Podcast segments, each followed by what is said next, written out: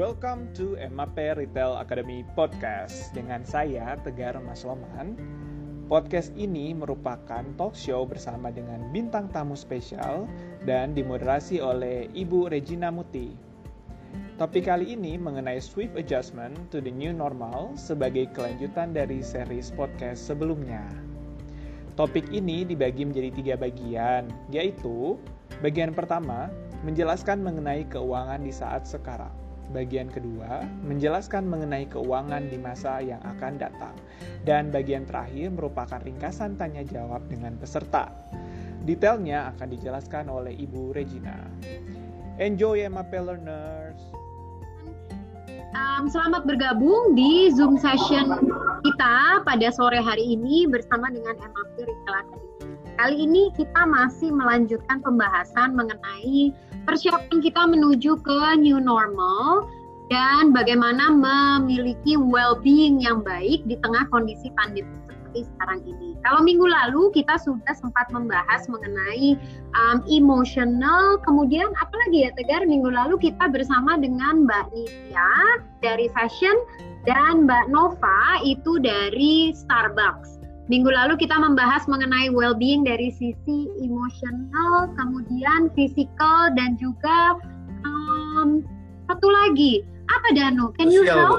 Sosial. Sosial, betul sekali. Jadi minggu lalu kita um, zoom dari tiga lokasi yang berbeda. Nah, minggu ini kita spesial mau membahas mengenai tips untuk personal financial. Jadi kalau mungkin kemarin-kemarin masih ragu-ragu untuk register ini financialnya ke pribadi atau ke company ya. Of course yang kita akan bahas pada sore hari ini adalah ke personal ya, ke pribadi. Jadi we will talk about swift adjustment to the new normal terkait dengan personal financial untuk kita bisa punya uh, bisa bobok nyenyak di malam hari, bisa tidak kepikiran gitu ya, bisa tenang hidupnya adalah kalau kita punya um, stability dari sisi financial. Sore hari ini saya tidak sendirian karena kita juga ada guest speaker um, datangnya sama-sama dari fashion juga seperti minggu lalu, tapi kali ini kita ada satu, ibu cantik yaitu Mbak Andari Redika. Boleh kenalan dulu Mbak Redika? Terima kasih udah dikasih kesempatan sama Emma Perita Academy untuk sharing sore hari ini. Senang sekali bisa ketemu sama teman-teman, banyak familiar names and faces. Belum kenal juga salam kenal. Saya Redika, I am HR of MAP Fashion. Uh, saya sudah bersama MAP Fashion eh, sekarang sudah lebih dari tujuh tahun ya. Nah, belum selama Mbak Nitya minggu lalu ya? Belum selama Mbak Nitya. Oke, tujuh tahun ya Mbak Nitya ya luar biasa. sis berarti um, bulan Januari kemarin adalah my eight years bersama dengan uh. MAP. Bapak Ibu di sini ada yang lebih lama. Kita mah anak. Mungkin pasti ada ya. kita anak baru di sini. Uh, ada yang tersenyum Mbak Agustina. Baik, terima kasih kejujurannya. Jadi um, Mbak Redika ini kita bisa panggil, memang kalau di email namanya panjang ya, Andari Redika Putri. Jangan cari Redika karena nggak akan ketemu. Nggak ketemu. Jadi bisa panggil supaya lebih mudah bisa dipanggil Red. Betul ya, ya Mbak Red? Iya, betul. Oke. Betul Mbak Regina. So, kita sudah 50 orang yang mana ini pasti akan terus bertambah. Nah, ini adalah orang ke-51 yang masuk atas nama Mbak Romlah um, yang register untuk hari ini tuh kurang lebih ada 80 sampai 90 orang ya. Biasanya hmm. mortality rate-nya ya sekitar 20 sampai 30 persen. So we are expecting untuk punya 50, 60 sampai 70 partisipan. Semua pengen belajar gimana caranya kita bisa memanage keuangan, financial ya, personal financial. Tapi kita mau disclaimer dulu ya Mbak Red. Iya betul. Kita berdua bukan ahli finance. Finance, ya. Tapi kebetulan hmm. kita sudah melampaui atau melalui semua tahapan kehidupan yang terkait dengan financial, betul ya? Betul. Jadi aku juga mau menegaskan ke teman-teman uh, di sini pengen sharing bukan karena mungkin Redika mah udah financial freedom gitu ya udah. Udah very well, very ya. well gitu. Udah enggak juga ya. Cuma uh, alhamdulillah justru malah karena udah pernah nyungsep jadi udah tahu pengalamannya di bawah pengalaman susahnya dalam mengatur financial, makanya uh, bisa ada apa pengalaman untuk di sharing ke teman-teman apa yang mungkin bisa dipelajari dari pengalaman saya. Yes, betul. Jadi ini adalah sharing pengalaman. Um, kita sama-sama masih belajar untuk menuju ke financial freedom itu. Mungkin um, kalau teman-teman familiar dengan istilah sandwich generation, jadi Ami and Redika adalah salah satu sandwich generation ya. Apa sih sebenarnya sandwich generation? Nanti teman-teman atau Bapak Ibu sekalian bisa mencari juga, bisa googling juga. Jadi itu adalah istilah yang um, mungkin dilahirkan oleh Justa kali ya Mbak yeah. Jadi um, sandwich generation adalah mereka yang lahir di generasi yang harus menanggung beban hutang orang tuanya dan hidupnya sekarang ini juga harus dibiayai sendiri. Jadi sandwich nih dia kejepit masih menanggung yang di atas juga harus mengurusi yang uh, saat ini berjalan personalnya. Gitu ya. Oke. Okay. Um, sekarang kita akan share uh, apa sih langkah-langkahnya atau sebenarnya definisi dari um, financial well-being dulu. Danu boleh next uh, slide ya. Oke. Okay kita selalu awali dari sini nih karena kita mau bicara mengenai well-being. Kita semua sama-sama agree bahwa COVID-19 ini adalah global pandemi. Pandemi dulu. Biasanya ending dari setiap pandemi itu adalah muncul krisis. Salah satunya pasti secara krisis itu adalah financial. Tidak hanya bisnis yang terkena dampaknya, tapi negara juga secara kayak apa perekonomian juga terdampak. Kemudian kita sebagai individu atau sebagai personal juga pasti kena dampak dari si COVID-19 ini. Next slide Danu. Nah, ini yang kita mau share sama teman-teman ya, bahwa at this point kita sedang menghadapi situasi di mana uncertainty atau ketidakpastian itu besar banget. Benar ya? Kita nggak tahu nih, uh, pandemik ini akan segera berakhir atau ternyata masih lanjut ketok-ketok tiga kali di kayu kita nggak pengen ada gelombang kedua ya tapi kita nggak bisa jamin juga bahwa gelombang kedua ini tidak akan muncul jadi nobody knows mengenai uh, berapa lama atau berapa parah kondisi ini sebenarnya apakah kita sudah melewati fase krisisnya atau justru sebenarnya baru mau masuk nih karena kalau kita lihat-lihat di berita jumlah orang yang positif di Indonesia bukan turun ya tapi naik gitu Hari ini saya belum lihat nih beritanya berapa, tapi kemarin 1.200 aja. Oke, jadi belum turun angkanya, tapi semua masih naik. Sebenarnya kurva naiknya itu adalah juga karena um, kapasitas untuk kita melakukan tesnya itu juga semakin besar. Kalau kemarin-kemarin baru 5.000, 8.000 naik ke 10.000, sekarang targetnya dalam satu hari pemerintah harus bisa melakukan uh, tes itu sampai 20.000. So kita predik atau kita assume angkanya masih akan naik. Nah, bahkan report dari Global Financial Stability itu menunjukkan kalau dampak terhadap financial system uh, dampak dari COVID-19 terhadap financial system ini sudah luar biasa besarnya. Bahkan perkembangan ekonomi itu diprediksi tahun ini minus ya. Ekonomi dunia itu uh, GDP-nya akan minus. So kita juga expect um, prediksinya kondisi akan mulai membaik dalam 2 sampai 3 tahun. Jadi not even 2021 belum. Kita masih harus menghadapi atau berjuang sama-sama dalam krisis ini. Next, Dano.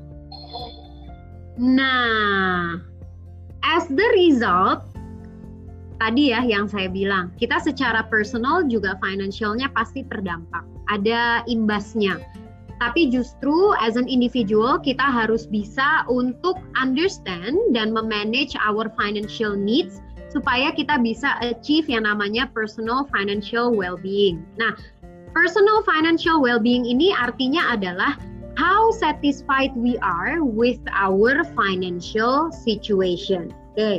Jadi sebenarnya seberapa sih kita happy atau seberapa kita puas dengan kondisi financial kita saat ini. Personal ya, semua adalah personal. Oke. Okay?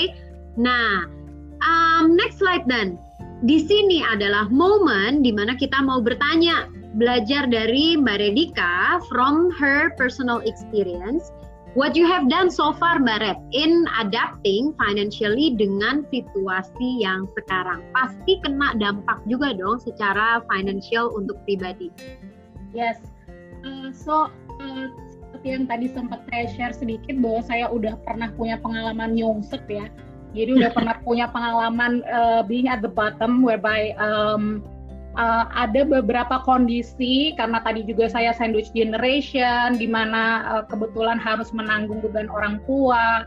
And then uh, di situ adalah momen yang benar-benar menampar uh, saya dan uh, keluarga suami ya terutama berdua ini bahwa uh, apa kok kita bisa ya ada di kondisi kayak gini gitu. Uh, and then the second thing ada aha moment di situ adalah uh, kebetulan uh, juga saat itu saya ketemu sama teman deket saya uh, yang dia barusan cerita sama saya kalau uh, dia baru beli rumah di daerah Jakarta, jadi KTP-nya KTP Jakarta ya, uh, which itu nggak murah harga rumahnya, and uh, aku tahu uh, aku tahu dia, aku tahu karirnya, aku tahu uh, apa ya, pretty much I know how much how much how much the family uh, earn lah ya. Uh, and and uh, and dia bisa beli uh, rumah itu secara cash. Jadi hmm. itu kayak bener-bener ya judulnya ceritanya ya, cash keras. Nah itu keras menampar saya gitu. Itu keras menampar saya juga bilang bahwa oh dia bisa gue ke tanah aja gitu. Aha. Ini tahun berapa Mbak Dia beli dua tahun lalu. Berapa? Dua tahun lalu. Dua tahun lalu, oke. Okay. Dua tahun lalu. Jadi dua tahun lalu terus aku nanya, kamu ngapain aja? Kok bisa kayak gitu? Gitu. Sejak berapa lama kamu ngumpulin tabungan bla bla segala macam? Terus dia bilang dia baru mulai 8 tahun dan dia nggak ngoyo uh, mengerjakan semuanya. And then I I I aku di situ mikir bahwa berarti ini ada ada caranya ya maksudnya kalau dia bisa gue juga bisa dan mm-hmm. bukan hanya itu it's not only aku pengen keluar dari kondisi aku saat itu tapi aku juga pengen punya goals gitu kan pengen punya mm-hmm. goals apa yang dilakukan oleh teman aku dan pastinya bisa meraih goals itu mm-hmm. so apa yang uh, ke, uh, kejadian tersebut akhirnya membuat aku untuk belajar mulai mencari informasi tentang financial planning uh, banyak membaca, ikut kelas dan lain sebagainya, uh, uh, apa berguru ke orang yang lebih tahu ya. Uh, terus uh, dari uh, pelajaran itulah uh, apa akhirnya aku bisa mencari tahu oh ternyata tuh ada loh caranya teman-teman uh, mm-hmm. untuk keluar bukan hanya dari uh, kondisi di mana kita besar pasak daripada tiang uh, tapi ada juga yang uh, orang kondisinya nggak punya tabungan, nggak punya asuransi, nggak punya uh, aset ya, nggak punya aset. Trust me, I was in that position. Position, oke. Okay. I was in that position. So um, dan aku bisa keluar. Jadi uh, dengan belajar, dengan disiplin, dengan merubah mindset bahwa kita bisa uh, keluar dari kondisi ini bahwa kita bisa mengatur keuangan kita supaya kita bisa financial, having that financial well-being, mm-hmm. uh, alhamdulillah bisa gitu. Jadi uh, kuncinya di belajar sih Mbak Regina, kuncinya di belajar, mencari tahu dan uh, merubah mindset itu. Oke, okay. ini yang sebenarnya um, salah satu poin yang kita juga mau emphasize ya bahwa ternyata um, financial literacy untuk orang-orang di Indonesia itu quite low, betul ya? Yes, it's very low actually, and even the one uh, we are uh, in terms of nation kita salah satu yang paling rendah saving rasionya ya. Oke, okay. Indonesia memang hmm. betul. Jadi um, ini plus minus ya sebenarnya untuk bisnis kita di MAP bahwa memanfaatkan kondisi Indonesia, uh, masyarakat Indonesia yang memang konsumtif sehingga saving ratio Indonesia itu adalah salah satu yang paling rendah di dunia, gitu ya. Betul. Tetapi sebenarnya ini yang nanti kita akan bahas lebih lanjut teman-teman. Jadi gimana sih caranya kita bisa menata personal atau um, kondisi keuangan kita secara personal, gitu ya. Jadi yes.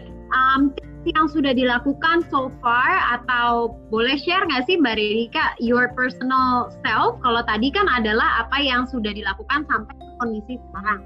Tapi kalau current situation nih, dengan menghadapi kondisi yang sekarang, what have you done, Mbak, untuk bisa adapting okay. dengan financial situation? Uh, belajar dari kondisi waktu itu, aku menelaah uh, my current state dulu. Jadi financial hmm.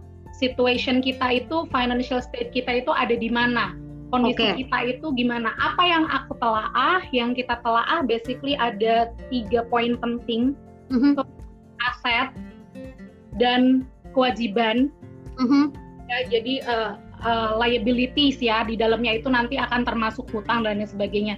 It it becoming quite technical tapi intinya kalau mau ngomong bahasa gampangnya adalah cari tahu sebenarnya sekarang uh, kondisi teman-teman itu seperti apa. Kayak uh, cash flow-nya gimana? Cash flow itu berarti uh, uang uh, liquid ya liquid.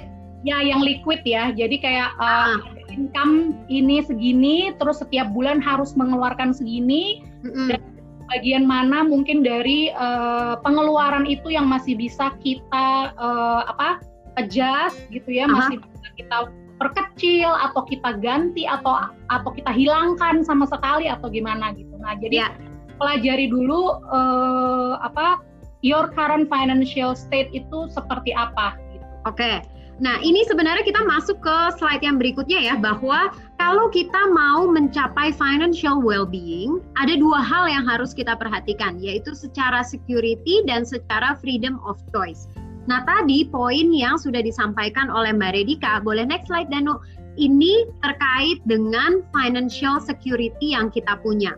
Jadi memang yang kita anjurkan untuk teman-teman semua lakukan adalah yang pertama kita lihat masa sekarang dulu baru kita bisa lihat future-nya gitu ya Mbak Redika ya. Betul, betul. Jadi yang dilihat di masa sekarang itu apa? Itu adalah benar-benar day to day, month to month expenses-nya kita. Tadi Mbak Redika bilang bahwa kita benar-benar harus catat, harus lihat kondisi keuangan kita saat ini itu seperti apa. Maksudnya yang dilihat itu adalah yang tadi kita akan pecahkan uh, kondisi keuangan kita itu menjadi tiga hal besar ya. Yang ya, pertama ya. adalah cash. Jadi cash ini um, terkait dengan cash flow-nya kita. Jadi keuangan, uang tunai termasuk juga tabungan, deposito, itu masuk ke dalam cash. Bahkan kalau teman-teman punya emas misalnya, emas itu juga bisa dimasukkan ke dalam cash. Kenapa? Karena dia dikonsider sebagai um, liquid ya, cepat untuk kita bisa yeah, yeah. uangkan ketika kita butuh dananya. Kemudian yang kedua adalah aset. Aset nih apa sih? Aset adalah betul-betul harta um, apa ya? Uh, tetap ya harta tetap yang menjadi milik kita. Jadi kalau ya, mungkin ya. kita berpikir saya punya motor, saya punya mobil, saya punya rumah, tapi masih ada cicilannya. Nah itu nggak bisa masuk ke dalam aset, betul ya, aset, ya? Betul. Itu masuknya liabilities atau kewajiban. Kewajiban. Nah, Oke. Okay. Kemudian yang ketiga adalah si kewajiban tadi itu liabilities. Nah, kewajiban ini tuh apa sih? Ini adalah apa saja yang memang kudu wajib hukumnya untuk kita bayarkan. Misalnya bayar cicilan, uang sekolah anak, uang asuransi kalau teman-teman punya asuransi, kemudian bahkan expenses kita sehari-hari jadi biaya makan, biaya masak, kebutuhan uh, harian atau bulanan itu semua masuk ke dalam liabilities ya, ke dalam kewajiban. Oh, wajiban. So kita pecahkan ke tiga hal tersebut dulu. Ya. Jadi poinnya di sini adalah we have to understand our spending. Spendingnya seperti apa? Hanya beli barang-barang yang memang kita butuhkan. Pertanyaan berikutnya nih Mbak Redika. Tapi aku uangnya nggak cukup bahkan untuk membeli barang-barang yang aku butuhkan. What do I have to do? Oke, okay uh, recently itu sempat kejadian ya Mbak. Kita uh, dengar ada kasus yang uh, gajinya berapa puluh juta. 10 juta terus dipotong 50 persen. Potong gajinya karena kondisi pandemi kayak gini, cicilannya dia ternyata bisa sampai lebih dari 30 persen dari gaji bulanannya dia. Jadi pada saat gajinya dipotong 50%, dia langsung megap-megap sama sekali nggak bisa nafas ya. Mm -hmm. uh, kalau ngomongin soal bagaimana kita mengakalin uh, apa kalau ngomongin soal income itu relatif. Jadi ada orang yang menganggap gaji 25 juta besar sekali, ada orang yang menganggap gaji 25 juta nggak cukup misalnya ya. Mm -hmm. uh, so income is very relative. And in this case kalau saya mau menyarankan bagaimana memperbesar income itu mungkin I'm not the the right person to say, tapi memang itu uh, bisa agak panjang juga ngomongnya karena itu udah terkait dengan belajar investasi dan lain ya, sebagainya. Betul, ya.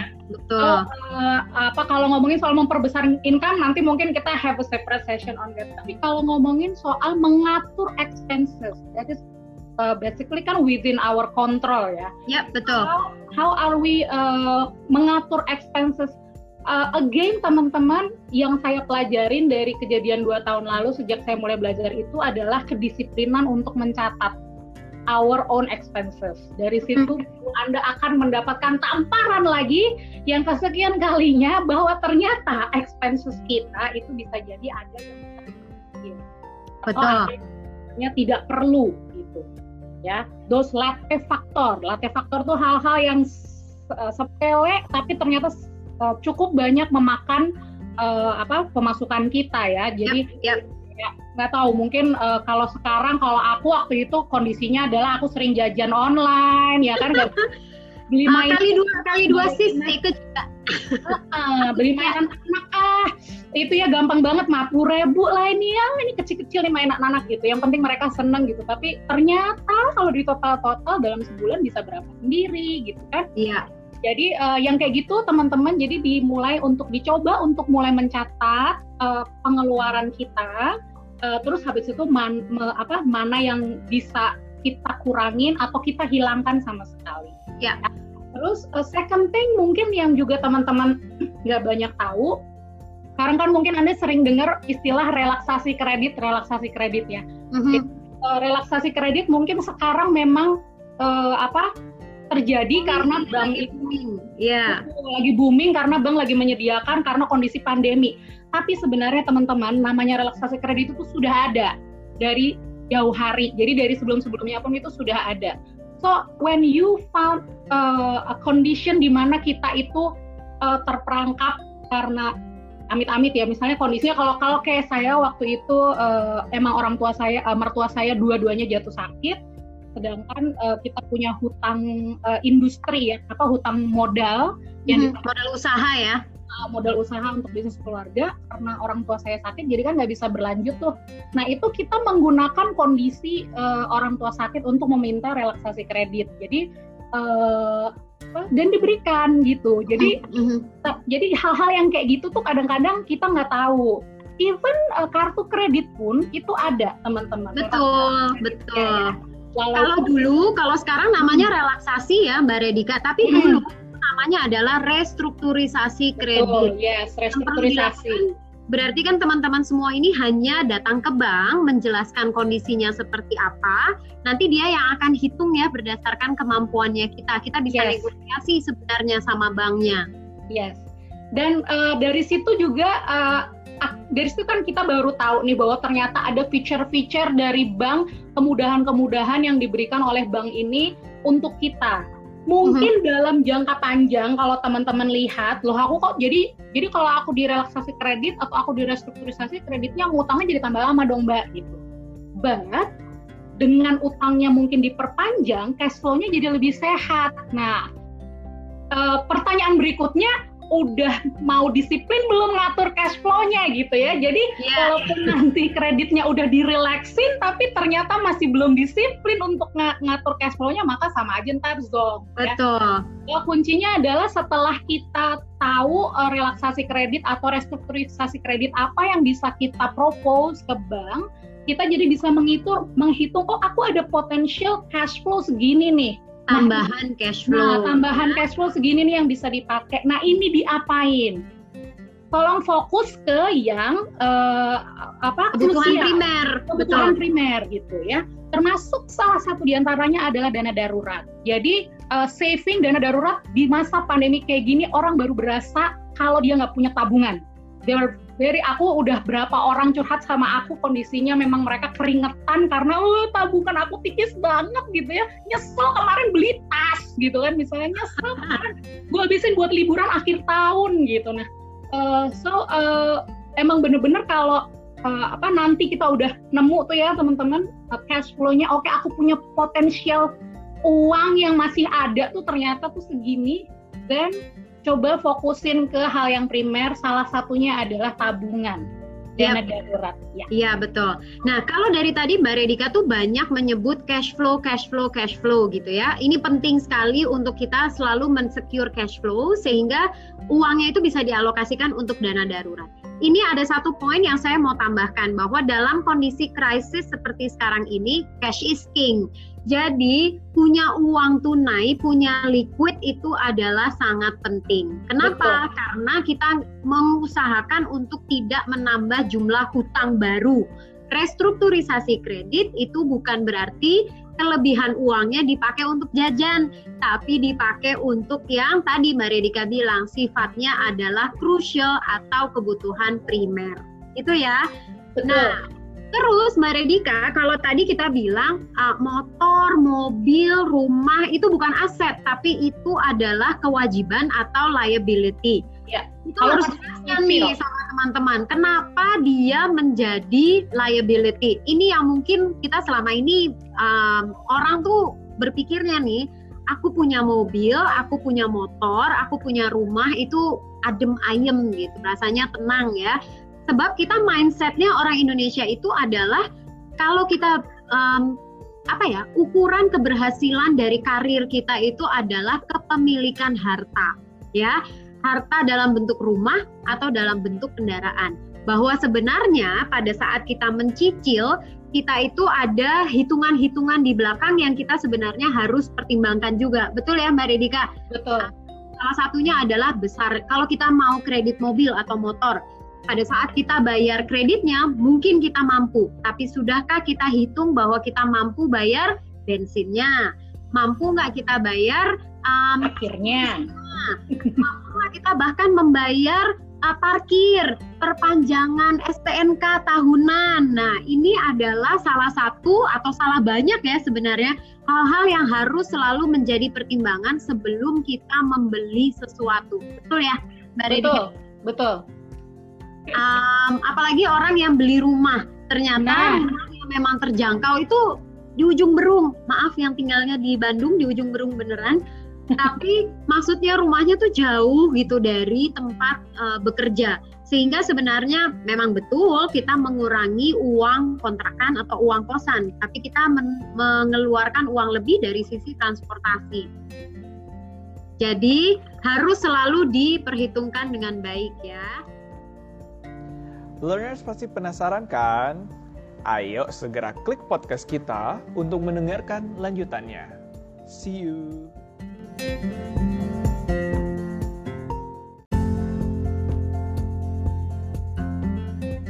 Welcome back to MAP Retail Academy. Masih dengan saya, Tegar Mas Loman. Oke, podcast kali ini merupakan lanjutan dari podcast yang sebelumnya learners dengarkan.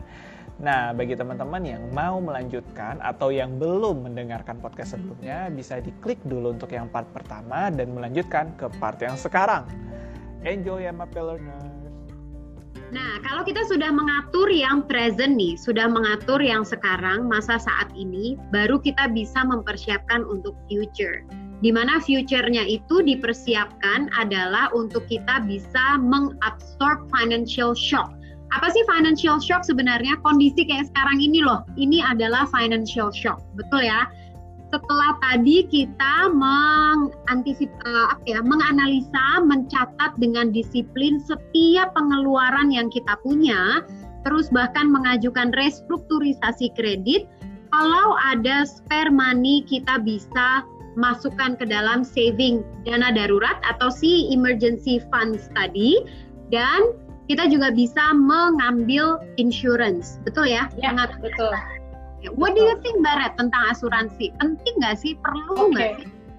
Dulu aku salah satu orang yang apatis terhadap asuransi ya karena mungkin kita juga udah sering banget dengar uh, cerita uh, unit link dapatnya nggak seberapa gede, masukin setiap bulan berapa duit uh, kok ternyata ada hasilnya, nggak ada hasilnya ya tapi again kalau setelah setelah aku belajar waktu itu ya emang karena kesalahan kita sendiri gitu ya karena kita tidak mempelajari uh, polis asuransi kita dengan benar atau bahkan mungkin kita nggak tahu sebenarnya asuransi seperti apa yang kita butuhkan uh, tapi again setelah akhirnya juga belajar basically try to fix are asuransi yang sebenarnya teman-teman itu kita butuh dan itu mm-hmm. sebenarnya nggak segede itu kok biaya biayanya costnya ya. Yep. Uh, salah satu yang sebenarnya sangat penting terutama kalau dalam keluarga itu ada dua uh, apa breadwinner ya itu uh, adalah asuransi jiwa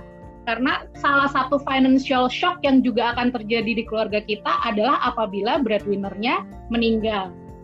So, Breadwinner uh, ini apa Mbak Redika? Oh, ya. Mungkin oh, ada yang nggak tahu nih. Pencari nafkah utama ya. Nah. Pencari nafkah utama ya. Nah ini nih poin yang uh, yang kita harus ingatkan ke teman-teman. Jadi ketika ditawarkan produk asuransi, karena kondisi sekarang ini banyak banget loh insurance ya, agent yang betul. justru gencar menawarkan. Betul. Um, ketika dibilang ambil asuransi pendidikan untuk anak, hmm. sebenarnya from what I learned juga anak itu tidak perlu asuransi pendidikan. Sebab yang perlu diasuransikan adalah breadwinnernya tadi, pencari Betul. nafkah yaitu orang tuanya.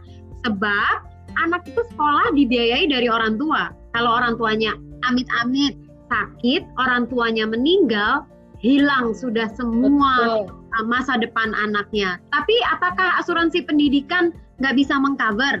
Ternyata asuransi pendidikan di Indonesia tidak bisa mengcover, betul ya? Iya, jadi kalau nanti teman-teman udah mulai uh, mempelajari komponen instrumen-instrumen keuangan yang tersedia di market, um, itu asuransi nanti coba dipelajarin ya. Uh, ada asuransi apa aja sih dan mana yang memang kita perlukan untuk kita beli. Kalau untuk pencari nafkah utama tadi yang sebenarnya wajib ada, ini pun juga kondisi kayak pandemi sekarang ini orang di Amerika yang mereka juga mengalami financial crisis, uh, semua orang yang udah melek uh, financial literacy, mereka pastikan mereka tetap punya si asuransi jiwa. Ya, uh, so whatever happen, apalagi lagi pandemi ya, amit-amit kita yang kena, ya kan? Uh, ya kan? Uh, jadi uh, itu asuransi jiwa adalah utama. Nah, okay. uh, coba take a look, mempelajari soal itu, teman-teman. Terus jangan juga apatis. Aku bilang tadi unit link uh, apa bukan berarti unit link itu jelek ya. Ada juga unit link yang juga uh, bagus karena ada kondisi-kondisi yang memang uh, akhirnya dia cuma bisa beli unit link gitu. Mm-hmm. Uh, yang penting dia punya uh, apa perlindungannya ya. Yang penting dia punya uh, coveragenya yang bisnis. Yang penting dia masih bisa memanfaatkan coveragenya. Yap. Nah, dan yang paling penting baca polis asuransi dengan baik dan benar yes. setiap poinnya bahkan ke bintang yes. kecilnya itu ya. itu dari hati banget ya Mbak Rea. Betul. Oke, okay, jadi kalau kita bisa summarize nih untuk secara security masa kini dan masa depan adalah tentu yang pertama teman-teman semua harus disiplin mencatat expenses atau pengeluaran yang kita punya sehari-hari. Sebab kalau sekarang kan orang pasti bertanyanya adalah gini, mungkin nanti akan ada pertanyaan, tapi sekarang kita experiencing um, salary cut ya. Kita sama-sama nih semuanya experiencing ini. Justru di saat kondisi seperti ini kita harus revisit atau lihat lagi expenses yang kita punya sampai ke yang kecil-kecil. Kecil-kecil tuh apa contohnya kalau tadi Mbak Redika adalah online shopping, mungkin yang pria-pria ada yang merokok. Nah, atau wanita juga mungkin kalau ada yang merokok itu bahkan sampai kecil beli rokok harus dicatat. Betul ya? Betul. Karena nih kalau saya am kecil-kecil yang banyak keluar itu adalah GoFood. Ya. Mohon maaf, tapi GoFood itu Betul. adalah lus yang ternyata gede banget kalau dijumlah dalam satu bulan. Jadi oh. ketika kita sudah revisit, sudah mencatat secara disiplin semua expensesnya kita, kita sebenarnya bisa lihat lagi alokasinya sudah atau belum. Kemudian kalau ternyata kita masih punya hutang secara kartu kredit atau bank, kita bisa visit ke mereka minta untuk dilakukan restrukturisasi atau relaksasi, relaksasi kredit tadi. Gitu yeah. ya. Jadi yeah. ada kelebihan cash flow, yang kelebihan cash flow-nya ini bisa kita pakai untuk future untuk preparing future dalam bentuk dana darurat atau bahkan menyelesaikan liabilitas atau kewajiban lain yang mungkin saat ini keuangannya jadi kurang nih untuk menyelesaikan semua kewajiban. Iya. Itu ya Mbak Redika. Oke, okay, very good. Jadi kata kuncinya adalah disiplin mencatat. Disiplin. Oh. Itu susah ya teman-teman. Kalau buat saya pribadi more than three months. Uh, tapi setelah three months jadi terbiasa. Tapi susah, trust me, susah. Jadi uh, susah disiplinnya, maksudnya mendisiplinkan dirinya bukan soal nyatetnya ya. kalau nyatetnya doang mah gampang gitu, tapi kalau mendisiplinkan dirinya itu yang susah gitu. Tapi again nggak pernah terlambat untuk memulai kan. Jadi ya, ayo betul. Betul. Um, maksudnya adalah kita pengen nanti keluar dari pandemi ini bersama-sama menjadi orang yang lebih baik, lebih baik ya. secara financial, lebih baik secara literasi keuangan, supaya kita sama-sama belajar ya Mbak Redika ya. Betul, betul. Nah, setelah kita punya nih security-nya, setelah kita bisa menata keamanan dari sisi financialnya kita. Berikutnya baru kita akan bisa merasakan yang namanya punya freedom of choice. Jadi di saat yang sekarang, karena kita sudah punya um, tadi ya cash flow-nya itu sudah ditata dengan baik, kita bisa setting goals dan ekspektasinya kita nanti di masa depan itu kita mau seperti apa secara keuangan. Misalnya sesederhana, aku mau bebas hutang di tahun 2021 misalnya. Apa saja yang kita harus lakukan di masa sekarang itu yang akan menentukan future-nya kita freedom of choice itu akan menjadi seperti apa. Gitu ya, Mbak Redika betul. Betul Mbak Re. Mm -mm. Oke. Okay terkait dengan freedom of choice ini, jadi setting goals nih di masa depan. Boleh nggak sih share yang mungkin tidak confidential ya tentunya. Apa sih goalsnya Mbak Redika secara financial di masa depan?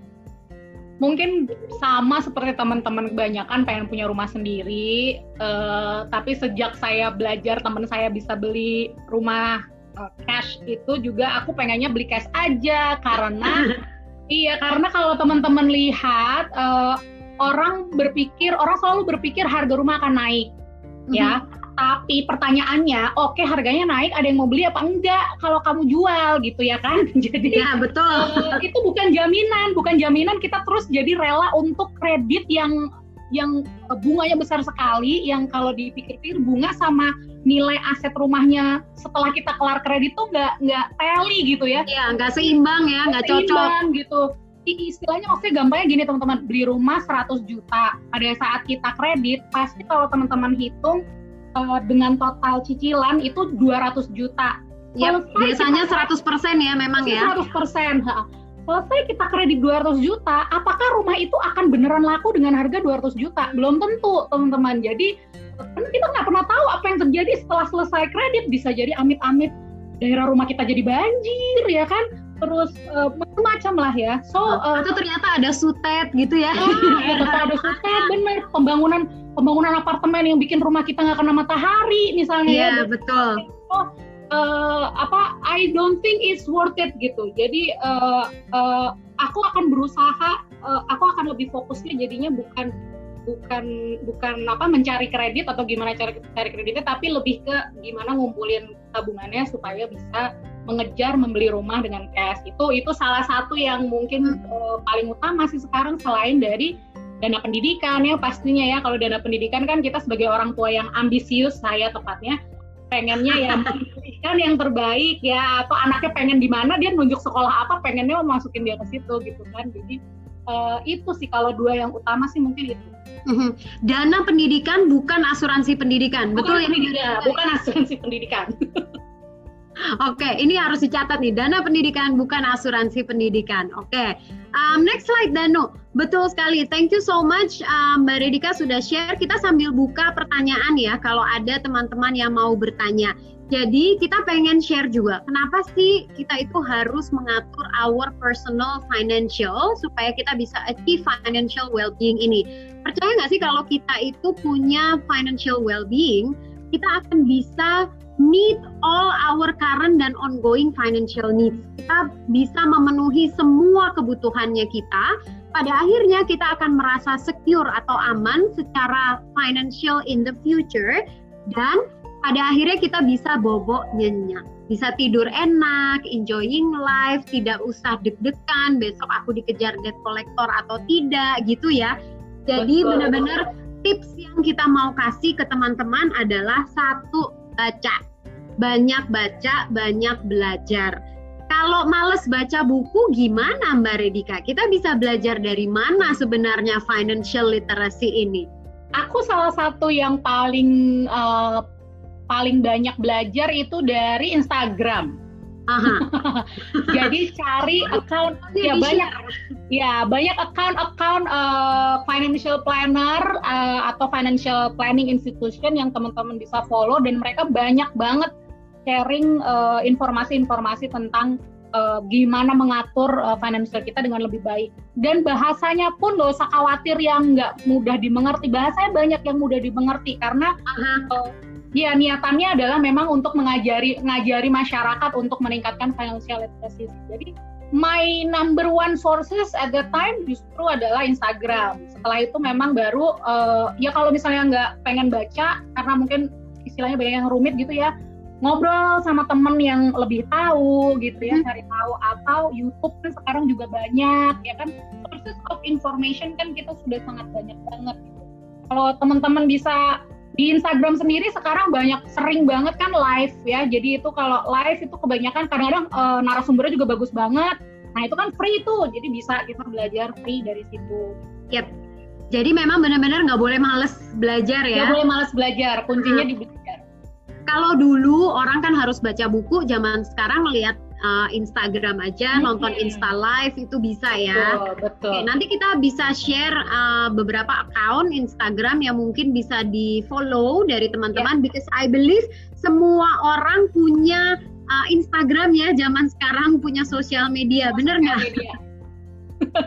Kemudian ada juga nanti buku yang for me personally itu betul-betul mengajarkan membaca atau paham mengenai ekonomi atau financial. Nanti kita juga bisa share uh, akan dibantu sama Danu ya untuk mencarikan gambarnya.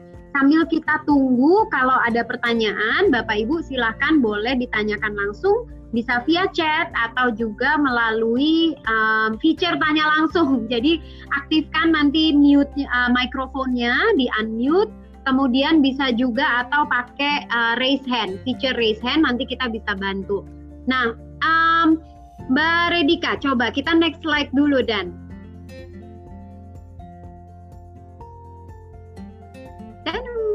Oke, ini lagi nih. Kita minta tips dari Mbak Redika ya. Uh, tips atau advice untuk building financial stability during the time of crisis.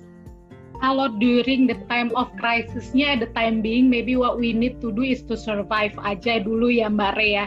Uh, kalau ngomongin soal survival mode ya kalau sekarang ya. Semuanya survival mode ya, semuanya survival mode. Not only us personally, but the whole country, the organization, business, institution, government semuanya on survival mode. Mm-hmm, uh, betul.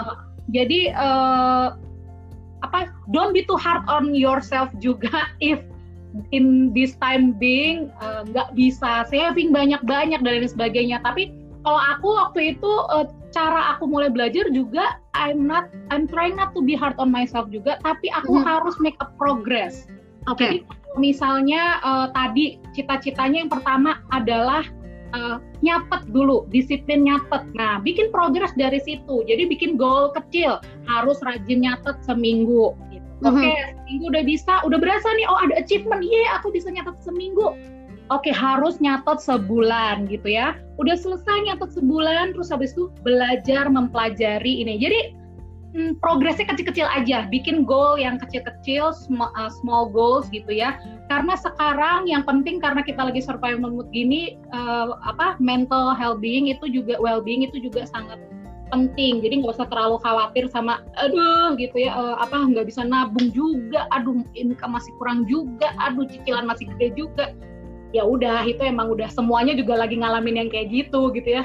Aduh, ada ya. yang ada yang uh, suaminya nggak digaji gitu ya maksudnya lagi belum terima gaji ada yang kena potongan dan lain sebagainya. Jadi semuanya lagi sama-sama susah. Justru uh-huh. kita lagi susah bareng-bareng jadi ya udah uh, ya udah kita terima aja nih. Lalui dengan lebih ya. ini ya lebih um, sama-sama gitu. Jadi sama-sama iya sama-sama. iya Nah, uh, mungkin ada teman-teman yang berpikirnya adalah, wah mungkin Mbak Redika bisa kasih tips kayak gitu karena tidak mengalami potongan. Eh, jangan salah. Eh, jangan. Semua experience ya, kita sama-sama dalam posisi survival mode nih sekarang. Yes. Nah, kalau aku berharap ya, hmm. aku berharap sebenarnya kalau kalau pukulan itu terjadi di saya dua tahun yang lalu, aku berharap ini menjadi pukulan untuk banyak banyak di antara kita ya Jadi kayak kemarin aku juga uh, sempat ngobrol sama suami bilang bahwa mungkin emang kita harus diginiin biar kita semua pada sadar pentingnya menabung gitu. Jadi Iya, betul. sampai setelah kita keluar dari kondisi ini kita tidak menjadi bangsa yang saving rasionya lebih bagus, ya oke okay, berarti kita emang emang nggak bisa berkembang aja ya. Jadi kita harus bisa jadi bangsa yang uh, bisa kita pasti bisa belajar dari kondisi ini. Betul. Nah, ini um, yang ditayangkan di screennya Bapak Ibu sekarang adalah satu buku yang buat saya secara bahasa itu sederhana banget. Um, I don't know, mungkin versi bahasa Indonesia-nya mudah-mudahan sudah ada ya. Atau kalau nanti ada yang mau pinjem personal sama saya, sama aku juga bisa pinjem boleh. Judulnya adalah Talking to My Daughter About the Economy. Pengarangnya adalah Yanis Varoufakis dia menceritakan mengenai financial, mengenai ekonomi secara bahasa bicara ke anak kecil ceritanya. Jadi betul-betul pakai kata-kata yang sederhana, sederhana. pakai yang mudah gitu. Oke, kita kita jawab ada pertanyaan dari Mbak Maria Monica Kristina. Uh, mau tanya, kira-kira dana darurat itu berapa persen dari uang kita setelah dikurangi dengan kewajiban-kewajiban? Sisanya ini langsung dijadikan dana darurat atau tidak? Nah, Mbak Red, nanti um, aku akan tanya sama Mbak Redika mengenai ini juga ya opinionnya. Tapi satu hal yang I have to emphasize to everyone. Mungkin kalau Bapak Ibu tuh cari di internet, pasti akan sering muncul artikel mengenai persentase dari um, dana darurat. Income-nya kita 50% dipakai untuk apa, berapa persen dipakai untuk apa. I have to say dulu bahwa setiap orang persentase simpanannya itu besarannya akan beda-beda. Kenapa? Karena profil resiko dari setiap orang itu juga berbeda-beda. Betul. Misalnya, Mbak Maria kebetulan, Mbak Maria Monica Christina kebetulan masih single. Of course, uh, profil resikonya tidak akan sebesar saya yang punya anak satu dan Andari Rebika yang anaknya sudah dua, gitu ya. Betul. Jadi uh, persentasenya akan beda-beda. Walaupun kalau secara generik orang itu bikinnya 50, 30, 20. 50 itu dipakai untuk betul-betul liabilitas atau um, expense-nya kita. Premier expenses. Ya, betul. Atau sorry, ya 50% itu adalah um, expenses-nya kita ya, 30% adalah hutang dan 20%-nya itu dimasukkan ke dalam saving. Itu adalah yang rumus generik banget. Tetapi again, tidak semua orang punya profil resiko yang sama. Jadi persentasenya itu bisa beda-beda. For me, Mbak Maria, if you can uh, implement 50, 30, 20, it's a good start. Kalau ternyata you can save more than 20% dari gaji, dari uang yang kita punya, it's even better gitu. Sebab uh, nanti mungkin pertanyaan berikutnya, berapa besaran emergency fund atau dana darurat yang kita harus punya. Apa jawabannya Mbak Redika? itu coevalent, ah coevalent juga nggak tahu nih bener apa enggak. Uh, beda-beda again uh, based on risk faktor dari setiap orang. Kalau mau aman intinya sebenarnya pengertian dana darurat itu adalah uh, how long you can survive kalau nggak ada income. Hmm. Jadi pada saat amit-amit nggak ada pekerjaan atau di kondisi dalam sebuah keluarga tiba-tiba uh, pencari nafkahnya tidak bisa menafkahi lagi, uh, seberapa lama keluarga ini bisa bertahan gitu. The minimum number for uh, single person yang gampang diingat itu adalah tiga kali uh, bulanan tiga kali tiga kali gaji ya bulanan malahan expense. oh tiga kali expense bulanan uh, karena kan sebenarnya yang yang penting hidup dulu kan yang penting kan betul. hidup dulu jadi betul. Uh, apa expensesnya gitu termasuk membayar kewajiban dan uh, untuk bertahan hidup jadi makan minum dan lain sebagainya mm-hmm. itu yang paling gampang gitu but mm-hmm. again when you are uh, apa berkeluarga dan lain sebagainya aku juga nggak terlalu uh, aku tahu udah dihitungin gitu ceritanya ya uh, besaran dana darurat aku mestinya berapa. Tuhan kayaknya sih nggak tahu mau nabung sampai kapan biar angkat gitu ya kan. Jadi uh, apa uh, stres sendiri kalau mikirin oh ternyata aku harus punya dana darurat segini nih baru bisa hidup tenang gitu ya. Ya nggak juga teman-teman. Intinya sih berapa angka aja yang lu set segitu yang bisa bikin lu hidup tenang kalau misalnya uh, dalam uh, kalau misalnya amit-amit uh, tidak ada income, tiba tiba-tiba tidak ada income gitu. Okay. Jadi uh, so you can set yourself, but the safe safe numbers adalah uh, tiga kali expenses bulanan untuk single. Ya, ya kalau udah berkeluarga berkeluarga bahkan bisa sampai 12 kali gitu. Nah, kebayangkan ya 12 kali guys expenses bulanan. Ngumpulinnya setahun cukup apa enggak ya kan? Ya belum tentu gitu. Jadi uh, daripada stres sendiri sama uh, targetnya itu yang gede, nggak apa-apa dipasang aja di dinding kamar. Pajak tuh. setengah m gitu misalnya ya buat dana darurat gitu. Ditanam ditaruh aja di dinding kamar nggak apa-apa. Tapi uh, uh, again don't be too hard on yourself. Uh, start with small dulu. Yang penting ada nabungnya dan ada progresnya Oke, betul sekali. Yang penting ada progresnya ya. Um, ini kita kembali dulu pertanyaannya Mbak Maria Monica nih. Jadi sebenarnya kalau ditanya berapa persen, kita kembali ke habit yang pertama tadi yang kita harus tumbuhkan adalah disiplin mencatat dulu ya Mbak Redika betul ya. Oh. Kalau memang kita bisa saving 20% akan sangat baik. Bisa yeah. lebih itu even better karena ingat kita mau punya dana darurat itu minimal tiga kali atau tiga bulan expenses kita. Jadi yeah. um, semangat Maria Monica. I know this is hard. Kita udah experience ini ya Mbak Red ya. Tapi satu hal sih yang yang I can share my personal experience ya. Ketika kita melihat angka di tabungan kita itu beranjak naik, rasanya tuh bahagia banget dan semua keinginan-keinginan untuk ini itu tuh sampai bisa diredam. Kenapa? Karena melihat angka di tabungan tuh jauh lebih bahagia daripada punya macam-macam dalam kehidupan ini, betul? Betul sekali, ya melihat Anda akan merasa sangat sayang untuk mengambil uang yang betul, sangat anda. sayang untuk menghabiskan uangnya. Jadi satu hal nih um, Mbak Redika, if I can also share ya, ini sih adalah pengalaman pribadi. Um, salah satunya yang membuat kita itu gagal menabung adalah kita itu punya banyak keinginan. Pengen ini, pengen itu, beli ini, beli itu gitu. Sehingga pada akhirnya kita lupa untuk saving karena pikirnya nggak apa-apa lah gaji bulan depan masih ada. Bisa tenang aja lah tahun depan masih bisa nabung masih ada THR kita masih bisa akalin. Nah who knows akan terjadi pandemik dan krisis seperti sekarang ini betul ya Nah, um, salah satu prinsip yang pada akhirnya mungkin saya bisa share ke teman-teman juga yang saya lakukan personally adalah membeli segala sesuatu dalam rupa cash atau tunai. Jadi kita tidak menambah hutang. Kepengen nih sesuatu tapi tidak punya uangnya, tidak usah dibeli. Kalau kepengen itu artinya tidak butuh. Kalau kepengen kita akan come up dengan beribu alasan untuk menjustify bahwa kita butuh, gitu ya. Salah satu cara adalah di didiemin semalam dulu katanya ya Mbak Re ya. Iya betul kalau belanja online, taruh di cart ya, taruh di cart aja, semalam diemin. Kalau besoknya udah lupa berarti nggak butuh. Oh, that is so me. Sama banget. Masukin aja dulu semua ke keranjang. Besok pagi kita lihat lagi, eh kayak udah nggak pikiran ya udahlah, iya. aku nggak pengen amat. Nggak pengen, betul. betul. Learners pasti penasaran kan? Ayo segera klik podcast kita untuk mendengarkan lanjutannya. See you.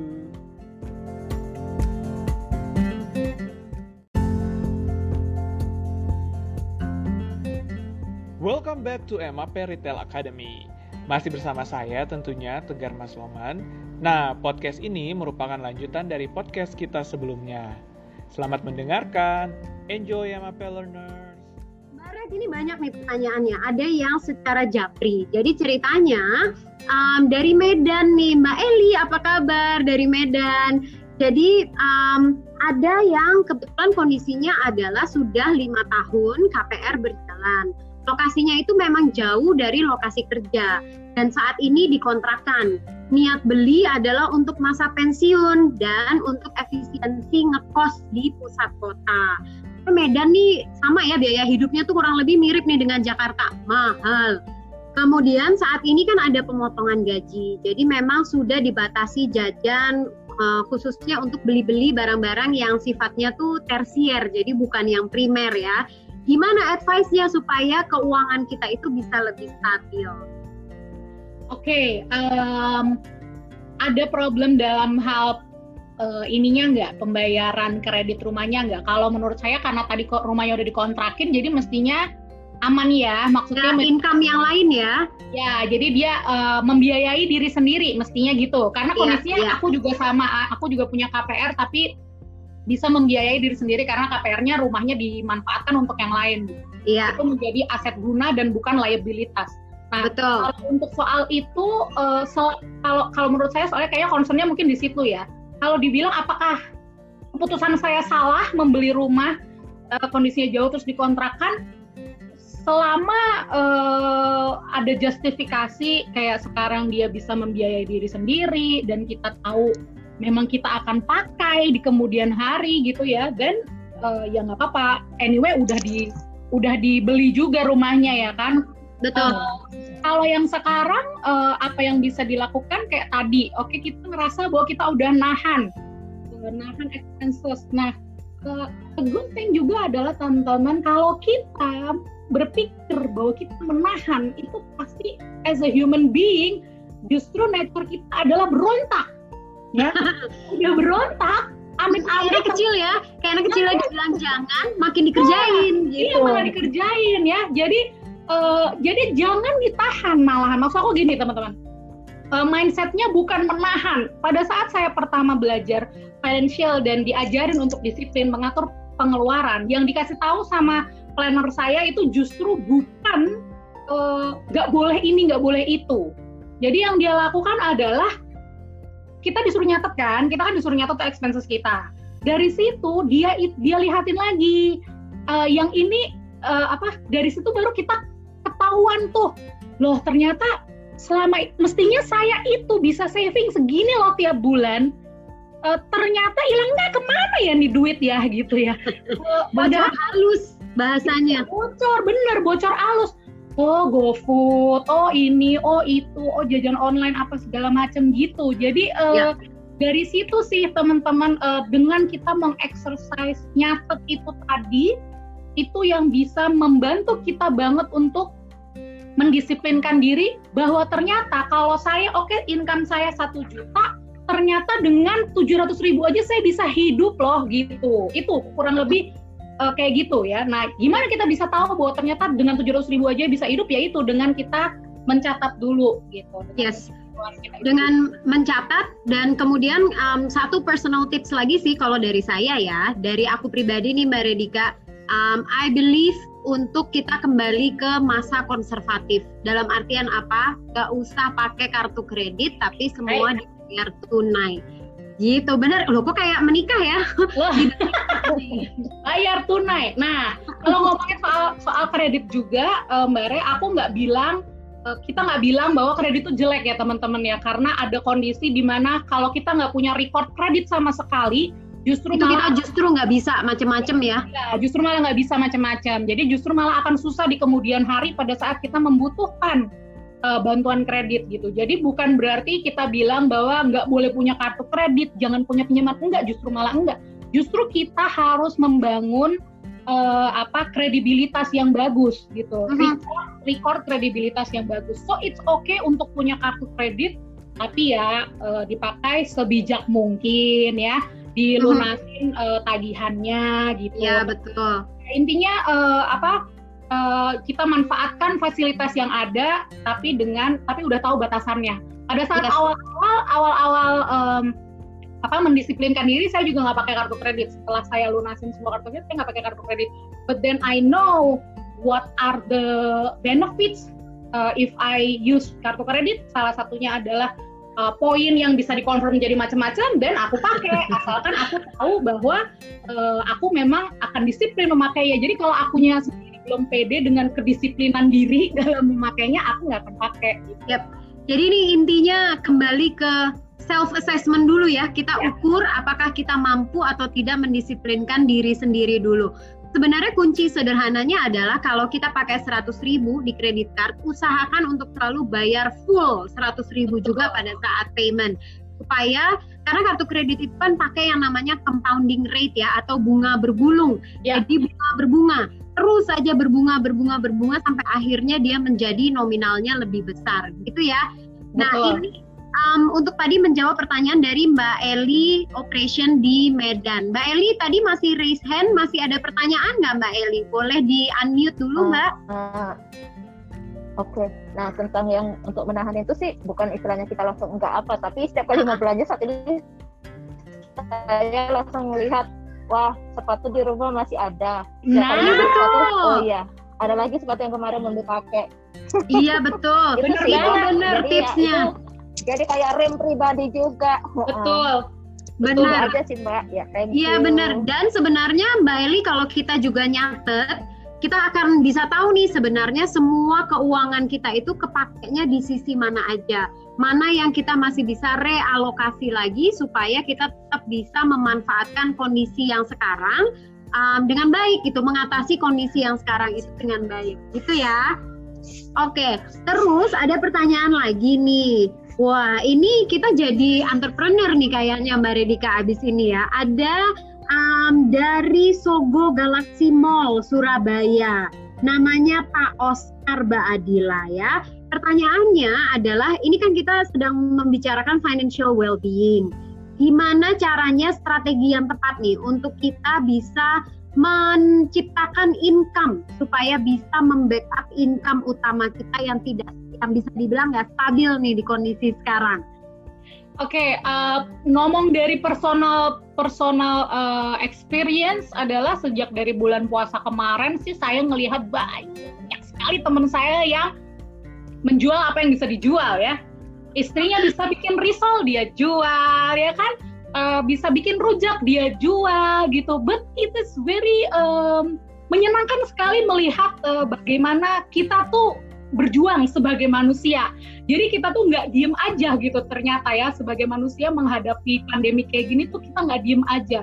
Ada orang yang terus menemukan uh, menemukan apa? Uh, apa? Ya maksudnya terpendam. ya, bakal terpendam ya. Dengan ternyata gue masak enak banget. Atau ternyata masakan nyokap gue kalau dijualin banyak yang mau beli. And then uh, dia manfaatkan itu dan dia jual jadi uh, banyak sekali teman-teman sebenarnya cara untuk kita mencari additional income. Kalau mau ngomongin agak lebih advance lagi, main saham. Uh, sekarang saham lagi naik turun ya kan, tapi again itu juga perlu. Ah, betul. Ini tegar nih yang suka main saham gorengan. Ya, ya yang yang mau main saham gorengan itu bisa banget teman-teman. Kalau ngomongin soal income itu bisa. Jadi uh, banyak teman-temannya cara untuk mencari tahu uh, untuk mencari additional income. Dan mungkin ini juga yang membuat nantinya kita berpikir bahwa kita tidak uh, kalau bisa kita tidak rely dengan satu uh, sumber income ya. Uh, aku nggak bilang terus teman-teman jadi harus ya, pada punya sumber income ya.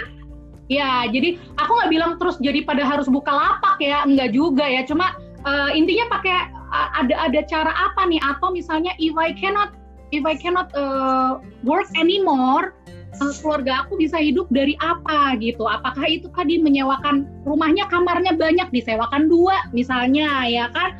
Atau apa gitu ya? Jadi harus mulai mencari uh, memang kita juga harus mulai membuka mata mencari uh, cara apa yang bisa kita manfaatkan. Dan percayalah teman-teman banyak sekali jalan menuju Roma. Tinggal kitanya mau uh, berjuang, nggak usah malu, nggak usah ya. Ya harus kreatif, nggak usah malu sama uh, melakukan apa yang bisa kita lakukan. Again kan kita semua lagi sama-sama ada di survival mode itu. Betul. Dan um, sebenarnya kalau mau menambahkan, ini kan kondisinya lagi kepepet ya kalau kepepet itu biasanya orang menjadi lebih kreatif. Hmm. So the power of kepepet nih kita bisa bisa berdayakan, bisa pakai gitu. Tapi um, satu hal yang memang benar banget bahwa untuk kita mau memulai usaha sendiri itu nggak boleh malu, nggak boleh uh, takut dianggap orang itu kayak gimana, takut dilihat jelek, tapi benar-benar harus berpikirnya adalah um, I'm doing this untuk my financial well-being. I'm doing this for my family. Jadi saya berusaha atau saya berjuang untuk keluarga gitu ya. Bahkan my yes. friend yang kebetulan ini kalau mau bisa menjadi ide nih untuk Pak Oscar. Um, my friend ya yang sekarang ini memang kebetulan kehilangan income-nya karena hospitality business adalah satu yang paling uh, dampaknya paling besar ya. Yang dilakukan adalah dia buka just tip. Jadi apa pun dia bisa just tipin gitu. Apa uh, mau beli apa-apa semua lewat dia aja. Nanti dia kasih uh, dengan fee gitu ya, additional per item misalnya 5.000 atau 10.000. Tapi yang nitip sama dia tuh banyak banget. Jadi sekarang um, dia dapat extra income dari sana. Yeay, kreatif ya, oke. Okay. Ya. Benar, itu those are some ideas ya. Jadi kita bisa cari dulu creativity, be kreatif aja, think out of the box atau bahkan nggak ada boxnya. Apa sih yang sebenarnya aku as a personal itu bisa lakukan, gitu ya. Um, ini kayaknya masih banyak nih yang mau dibahas, tapi kita jawab lagi satu pertanyaan dari Mbak Romlah di Sogo Kelapa Gading. Kalau mau bikin um, usaha, terus kita pakai kartu kredit untuk modal usahanya, yang menurut kita, menurut Mbak Redika, menurut saya pribadi, bagaimana tanggapannya? Dan yang terpenting adalah kita komit dengan pembayarannya. What do you think, Mbak Red, about this?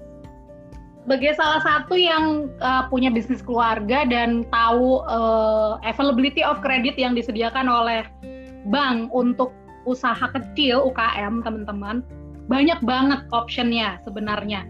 Jadi uh, bukan hanya kadang-kadang bahkan bank itu bukan hanya memberi uh, bantuan kredit dengan dengan bunga yang kecil atau affordable tapi mereka juga memberikan uh, apa pelatihan dan lain sebagainya kalau mau dibilang hmm. apakah bisa hmm. pakai pakai kartu kredit, kartu kredit itu salah satu yang bunganya cukup besar karena dia kan tidak ada agunan ya, tidak ada ya. jaminannya gitu. Jadi betul kan betul. pilihan yang paling baik untuk uh, untuk uh, modal usaha gitu. Uh, dan ya. sekarang itu uh, bank juga lagi pada nyari duit sih, jadi mereka juga lagi banyak membuka kesempatan untuk orang ambil kredit uh, oh kalau misalnya bisa ada yang kredit usaha itu lebih bagus teman-teman. Cuma memang biasanya kredit usaha itu perlu agunan ya, jadi perlu ada yang dijaminkan. Kalau udah ada yang dijaminkan, hmm. pastikan kita memang beneran bisa komit membayarnya karena kan kalau enggak jaminannya bisa disita gitu. Jadi ada plus minusnya lah ya. ya betul. Usaha kartu kredit menurut saya pribadi bukan uh, yang pilihan yang terbaik sih Benar. Walaupun sekarang promonya bank itu adalah bunga kartu kredit itu turun, diturunkan. Kan pembayaran minimumnya dari bank itu juga diturunkan. Tapi tetap kalau memang untuk usaha kita tidak sarankan untuk menggunakan kartu kredit sebab ada banyak fasilitas kredit lainnya yang disediakan oleh bank dengan bunga yang lebih kecil. Bahkan KTA di bank itu bunganya lebih kecil loh daripada kartu kredit. Kartu kredit. Yes. Mungkin uh, Mbak bisa menghubungi banknya untuk bertanya ada fasilitas kredit lainnya tidak daripada menggunakan kartu kredit. Ingat lagi bahwa kartu kredit itu compounding rate atau bunga bergulung, bunga berbunga. Jadi kalau kita bayarnya hanya minimum payment, patokannya itu akan lebih besar lagi, akan lebih besar lagi, akan lebih besar lagi. Minimum paymentnya juga makin besar, makin besar, makin besar. So it's not the best solution sebenarnya untuk uh, menggunakan kartu kredit sebagai modal usaha. Gitu ya Mbak ya, Redika ya? Betul Mbak Redika. Sip. Uh, masih ada pertanyaan lagi kah? Kita open untuk satu penanya. Kalau ada Bapak Ibu yang mau langsung bertanya, boleh di unmute mikrofonnya. Kita persilakan untuk tanya. Kalau sudah nanti kita akan closing. Ada yang mau bertanya kah? Sambil nunggu ada yang mau nanya, aku mau sharing satu lagi ya Mbak Re, yang boleh, pelajaran boleh. yang juga uh, menurut aku berharga pada saat uh, apa sejak dua tahun lalu aku belajar adalah uh, cobalah untuk membuat record yang bagus di sebuah bank. Jadi hmm. coba untuk setia ke satu bank. Kenapa? Karena dengan kita membuat record yang bagus fokus sama satu aja nih ibaratnya kayak punya pasangan cuma fokus sama satu aja ya e, nantinya bank itu juga jadi akan baik sama kita gitu. Ada kondisi di mana e, sebuah keluarga dari zaman dia merintis usaha sampai akhirnya usahanya bisa besar mereka menjadi keluarga konglomerat itu mereka setia kepada sebuah bank dan akhirnya pada saat kondisi lagi jelek seperti ini terus amit-amit keluarganya itu uh, mereka tidak bisa membayar hutang karena bisnisnya. Dan itu udah sampai udah sampai panggilan ketiga sampai panggilan keberapa gitu ya masih tetap nggak dibayar gitu karena emang kondisinya lagi susah ini. Kalau orang lain mah udah diciduk gitu sama debt collector dia mah enggak gitu. Karena karena dia udah mereka tahu ini emang orang ini recordnya selama ini bagus kok gitu. Emang ini ya. lagi susah aja kondisinya. Jadi pengertian dari banknya tuh toleransi levelnya lebih besar. Itu salah satu. Hmm. baru satu keuntungan tapi yang kedua bisa jadi adalah kalau anda mengajukan KPR ke kredit apa pun di bank itu juga pasti akan dimudahkan ya dimudahkan dimudahkannya bukan cuma goal tapi bisa jadi mungkin dapat rate yang lebih uh, rendah gitu. Hmm. Banyak hmm. banget teman-teman um, kemudahan yang bisa Anda dapat termasuk kayak kalau misalnya Anda mau KPR aja bukan hanya dikasih uh, apa tunjukkan mana developer yang kerja sama sama banknya tapi juga bisa ditunjukin rumah-rumah second yang disita sama banknya jadi Anda bisa dapat uh, angka yang lebih harga beli yang bisa lebih murah daripada di pasaran dan sebagainya. Nah, itu informasi yang belum tentu kita tahu gitu. Jadi uh, betul. Makanya kita share ya di sini semua ya, informasi yang kita dapat. Yes. Marry with your bank ya. Jadi Aduh, aku bank. tahu siapa yang ngajarin itu, kita gurunya Tapi ini Iya betul. Tapi ini adalah satu hal yang betul. Jadi teman-teman uh, mungkin ya kita selama ini berpikir karena aku banyak nih hutangnya, jadi aku pindah-pindah nih beda-beda bank supaya aku bisa dapat kredit dari satu bank, dapat dari bank yang lain, dari bank yang lain. Tapi sebenarnya prinsip itu tuh justru kurang baik ya. Karena kalau memang kita mampu, kita bisa, lebih baik kita setia pada satu bank. Sebab justru pada saat kondisi sulit, bank inilah yang akan bisa menjadi orang yang membantu kita pertama kali loh justru.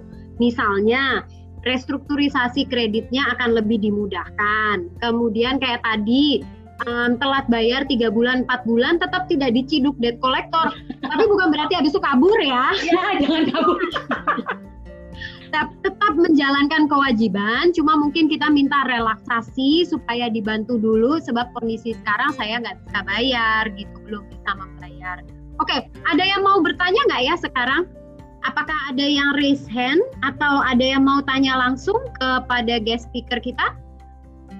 Enggak, aman. Mudah-mudahan message-nya sampai ya. Mudah-mudahan semua um, sharing yang kita bagikan hari ini menjadi satu pembelajaran untuk teman-teman semua.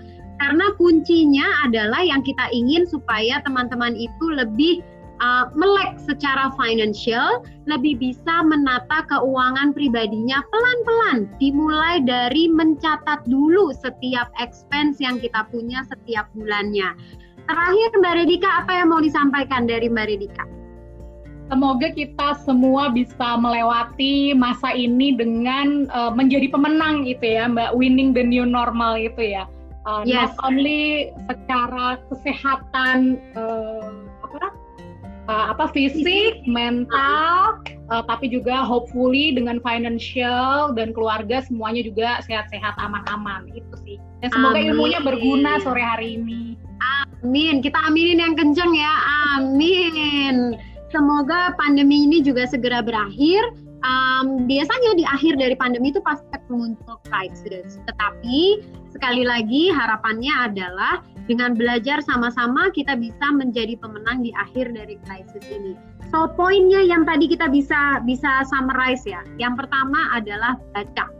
Jangan malas belajar tentang financial karena kita harus tahu dulu sebab selama ini kita mungkin saja punya pemahaman yang kurang tepat mengenai keuangan.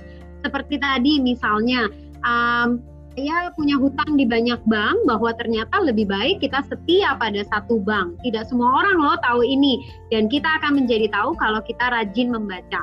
Males baca buku yang tadi saya share, yang tadi kita share di sini, jangan khawatir. Di Instagram itu banyak sekali account yang bisa mengajarkan soal keuangan ya. Nanti teman-teman bisa cari sendiri atau uh, personal message kita. Soalnya takut dikira jualan nanti.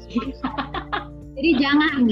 Kemudian yang kedua, identifikasi atau disiplin mencatat expense atau pengeluarannya kita setiap bulan. Pisahkan gaji kita itu ke dalam atau apa yang kita punya itu ke dalam tiga hal besar yang tadi ya Mbak Redika ya. Ada aset, ada kewajiban atau liability atau liabilitas, dan yang terakhir ada cash. cash. Itu yang harus dipisahkan, diidentifikasi dulu.